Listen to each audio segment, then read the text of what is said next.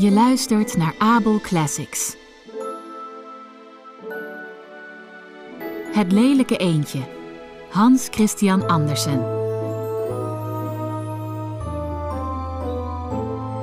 Het platteland zag er prachtig uit. Het was zomer. De tarwevelden waren goudkleurig, de haver groen en het hooi lag op grote stapels in de groene weiden. De ooievaar liep rond op zijn lange rode poten, kletsend in het Egyptisch, de taal die hij had geleerd van zijn moeder. Rondom de weiden en korenvelden groeiden dichte bossen, en midden in het bos lag een diep meer. Ja, het was mooi. Het was heerlijk op het platteland. Op een zonnige plek stond een mooie oude boerderij, omringd door diepe grachten.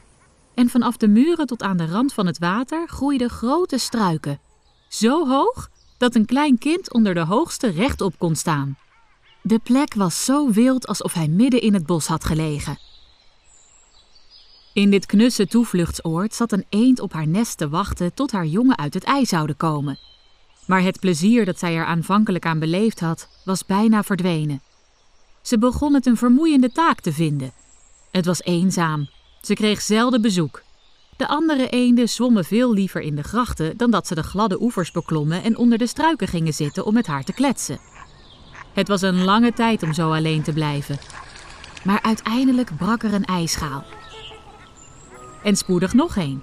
En uit elk ei kwam een levend wezen dat zijn kop ophief en riep: Piep, piep. Kwaak, kwaak, zei de moeder. En toen probeerden ze het ook allemaal te zeggen, zo goed als ze konden, terwijl ze aan alle kanten naar de hoge groene bladeren keken. Van hun moeder mochten ze zoveel kijken als ze wilden, want groen is goed voor de ogen. Wat is dit toch een geweldige wereld, zeiden de kleintjes toen ze merkten hoeveel meer ruimte ze hadden dan toen ze nog in de eierschaal zaten. Is dit de hele wereld, denk je? zei de moeder.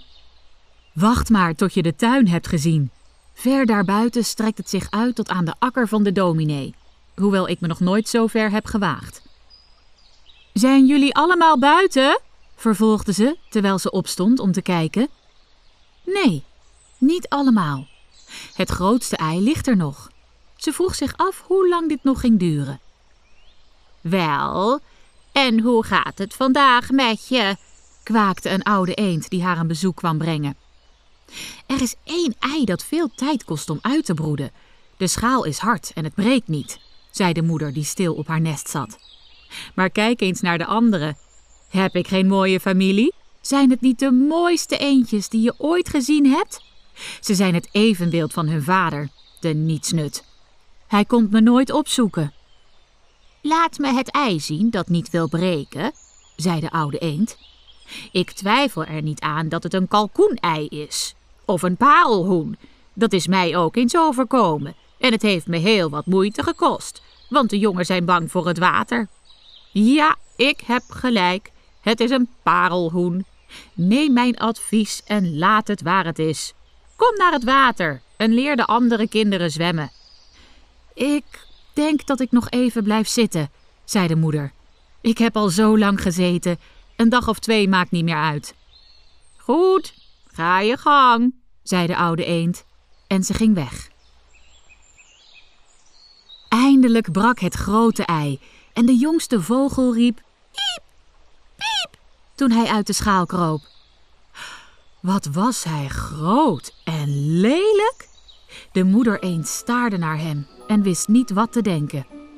Echt, zei ze, dit is een enorm eendje en hij lijkt helemaal niet op de andere.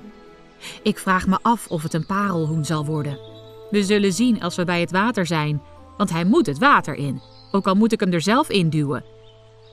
De volgende dag was het heerlijk weer. De zon scheen fel op de groene struiken en de moeder eend ging met haar hele familie naar het water en sprong er met een plons in. Kwaak, kwaak, riep ze. En de een na de ander sprongen de kleine eendjes erin. Het water sloot zich boven hun hoofden, maar in een oogwenk kwamen ze weer boven en zwommen heel mooi rond, met hun pootjes zo gemakkelijk mogelijk onder zich peddelend. Hun pootjes gingen uit zichzelf En de lelijke grauwe jas was ook in het water en zwom met hen mee. Oh, zei de moeder, dat is geen parelhoen of een kalkoen. Kijk hoe goed hij zijn poten gebruikt en hoe rechtop hij zich houdt. Het is mijn eigen kind en hij is helemaal niet zo lelijk als je hem goed bekijkt.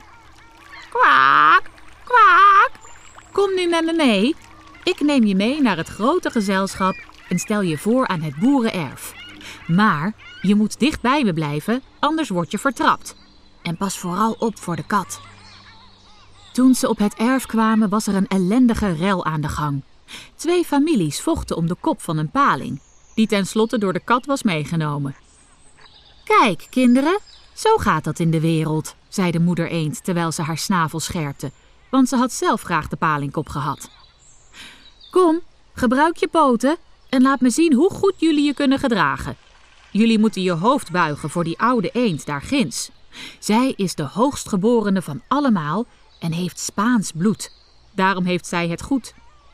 Zie je niet dat ze een rode lap om haar poot heeft gebonden? Dat is iets heel groots en een grote eer voor een eend. Het laat zien dat iedereen erop gebrand is haar niet kwijt te raken en dat ze opgemerkt wordt door mens en dier. Kom nu, draai je tenen niet in. Een goed opgevoed eendje spreidt zijn voeten wijd uit elkaar, net als zijn vader en moeder. Op deze manier. Buig nu jullie nekken en zeg kwaak. De eendjes deden wat hun gezegd werd, maar de andere eenden staarden en zeiden: Kijk, daar komt nog eens een broedsel aan, alsof het er nog niet genoeg van ons zijn. En wat ziet een van hen er raar uit? Die willen we hier niet hebben. Toen vloog er een op en beet hem in zijn nek. Laat hem met rust, zei de moeder. Hij doet geen kwaad. Ja, maar hij is zo groot en lelijk. Hij is een verschrikking, zei de hatelijke eend. Een beetje bijten zal hem goed doen. De anderen zijn heel mooie kinderen, zei de oude eend met het vod aan haar been. Allemaal, behalve die ene. Ik wou dat zijn moeder hem wat kon opvrolijken. Hij is echt slecht gezind. Dat is onmogelijk, uwe genade, antwoordde de moeder. Hij is niet mooi, maar hij heeft een heel goed humeur en zwemt even goed als de anderen, of zelfs beter. Ik denk dat hij mooi zal opgroeien en misschien kleiner zal zijn. Hij is te lang in het ei gebleven en daarom is zijn figuur niet goed gevormd. Toen streelde zij zijn nek en streek de veren glad en zei: Ik denk dat hij sterk zal opgroeien en voor zichzelf zal kunnen zorgen. Hij is te groot en lelijk, zeiden ze allemaal. Zo ging het van dag tot dag. Het werd erger en erger. Het arme eendje werd door iedereen op stang gejaagd. Zelfs zijn broers en zussen waren onaardig tegen hem. De eenden pikten hem, de kippen sloegen hem en het meisje dat het gevogelte voederde duwde hem met haar voeten. Uiteindelijk rende hij weg en joeg de vogeltjes in de heg de stuipen op het lijf toen hij over de omheining vloog. Ze zijn bang omdat ik zo lelijk ben, zei hij. Hij vloog nog verder tot hij op een groot heideveld uitkwam, bewoond door wilde eenden. Daar bleef hij de hele nacht en voelde zich erg bedroefd. Toen s'morgens de wilde eenden opstegen, staarden ze hun nieuwe kameraad aan. Wat voor een eend ben jij? zeiden ze allemaal, terwijl ze om hem heen kwamen. Hij boog voor hen en was zo beleefd als hij maar kon zijn, maar hij antwoordde niet op hun vraag. Je bent buitengewoon lelijk, zeiden de wilde eenden. Maar dat is niet erg als je niet met een van onze familieleden wilt trouwen. Arme jongen, hij dacht niet aan trouwen. Hij wilde alleen maar tussen de biezen liggen en wat water drinken van de hei. Nadat hij twee dagen op de hei was geweest, kwamen er twee wilde ganzen. Of liever ganzenkuikens, want ze waren nog niet zo lang uit het ei, wat hun brutaliteit verklaarde. Luister, vriend, zei een van hen tegen het eendje. Je bent zo lelijk dat we je heel aardig vinden. Wil je met ons meegaan en een trekvogel worden? Niet ver hier vandaan is een ander veen, waar een paar wilde ganzen zitten, die allemaal ongetrouwd zijn. Het is een kans voor jou om een vrouw te krijgen. Je kunt je fortuin maken, lelijk als je bent. Bam, bam, klonk het in de lucht. En de twee wilde ganzen vielen dood tussen de biezen. En het water was getint met bloed. Bam, bam, weer klonk tot ver in de verte. En hele groepen wilde ganzen rezen op uit de biezen. Het geluid klonk van alle kanten, want de jagers omringden de hei en sommigen zaten zelfs op boomtakken, uitkijkend over de biezen.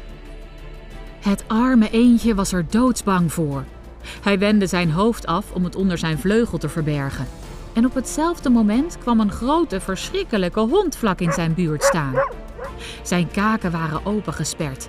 Zijn tong hing uit zijn bek en zijn ogen keken angstig voor zich uit. Oh, zuchtte het eendje. Wat ben ik dankbaar dat ik zo lelijk ben. Zelfs een hond zal mij niet bijten. Het was laat op de dag voordat alles stil werd, maar zelfs toen durfde het arme jong zich niet te bewegen. Hij wachtte rustig enkele uren en haastte zich toen, nadat hij goed om zich heen had gekeken, zo snel als hij kon van de hei weg. Hij rende over velden en weiden tot er een storm opstak, waartegen hij zich nauwelijks kon verweren. Tegen de avond bereikte hij een arm huisje dat op instorten leek te staan. En alleen maar leek te blijven staan omdat het niet kon beslissen aan welke kant het eerst zou vallen. De storm bleef zo hevig aanhouden dat het eendje niet verder kon. Hij ging bij het huisje zitten en merkte toen dat de deur niet helemaal dicht was, omdat een van de scharnieren het begeven had.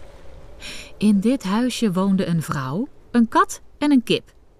De kat, die zijn bazin mijn zoontje noemde, was een grote favoriet. Hij kon zijn rug optillen en spinnen en kon zelfs vonken uit zijn vacht laten springen als hij er verkeerd over werd geaaid.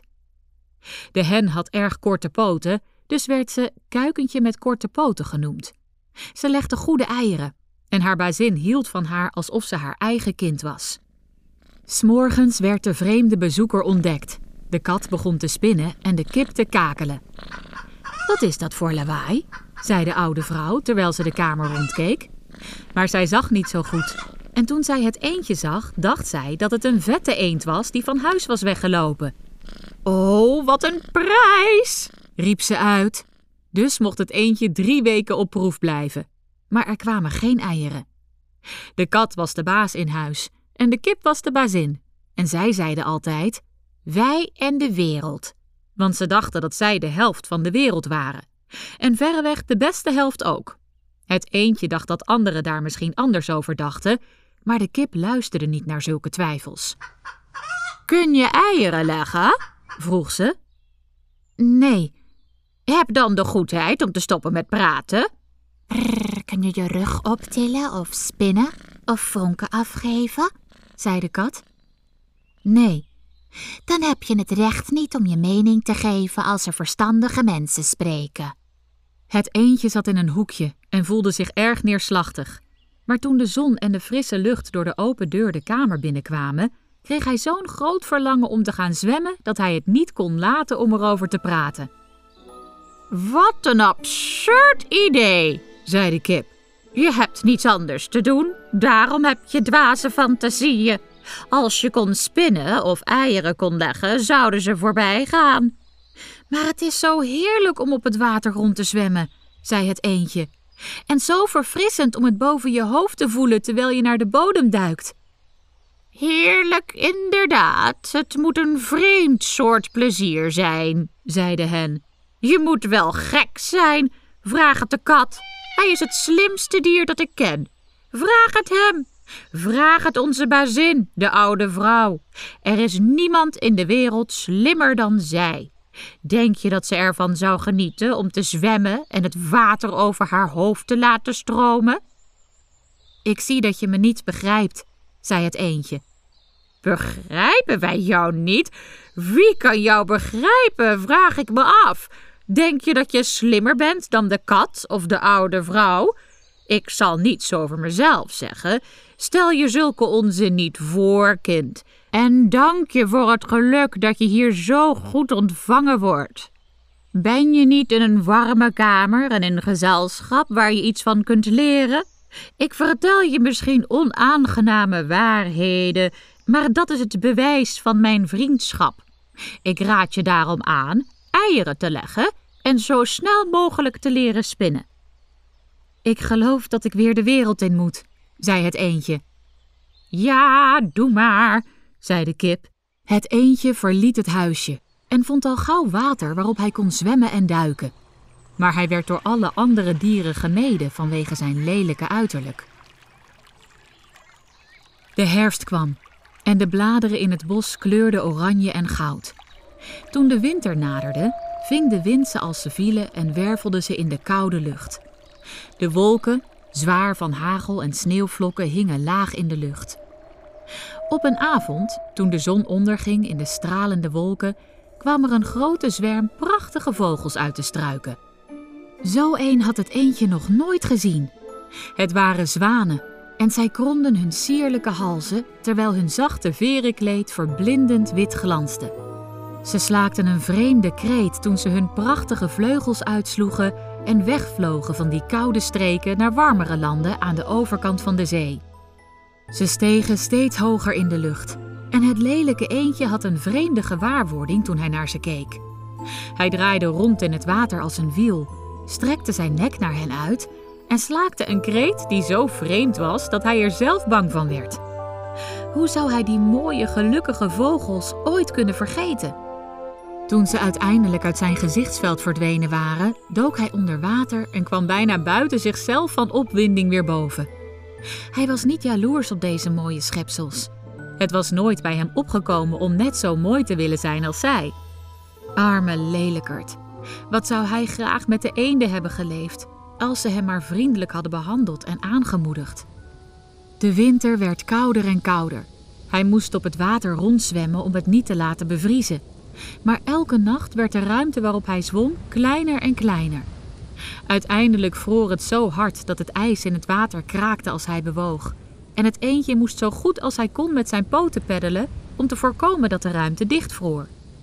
Uiteindelijk raakte hij uitgeput en lag hij stil en hulpeloos vastgevroren in het ijs.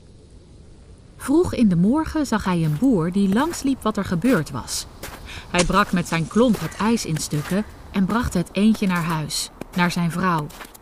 Toen de kinderen met hem wilden spelen, dacht het eendje dat ze hem kwaad zouden doen. Hij schrok op, fladderde in de melkpan en spatte de melk door de kamer.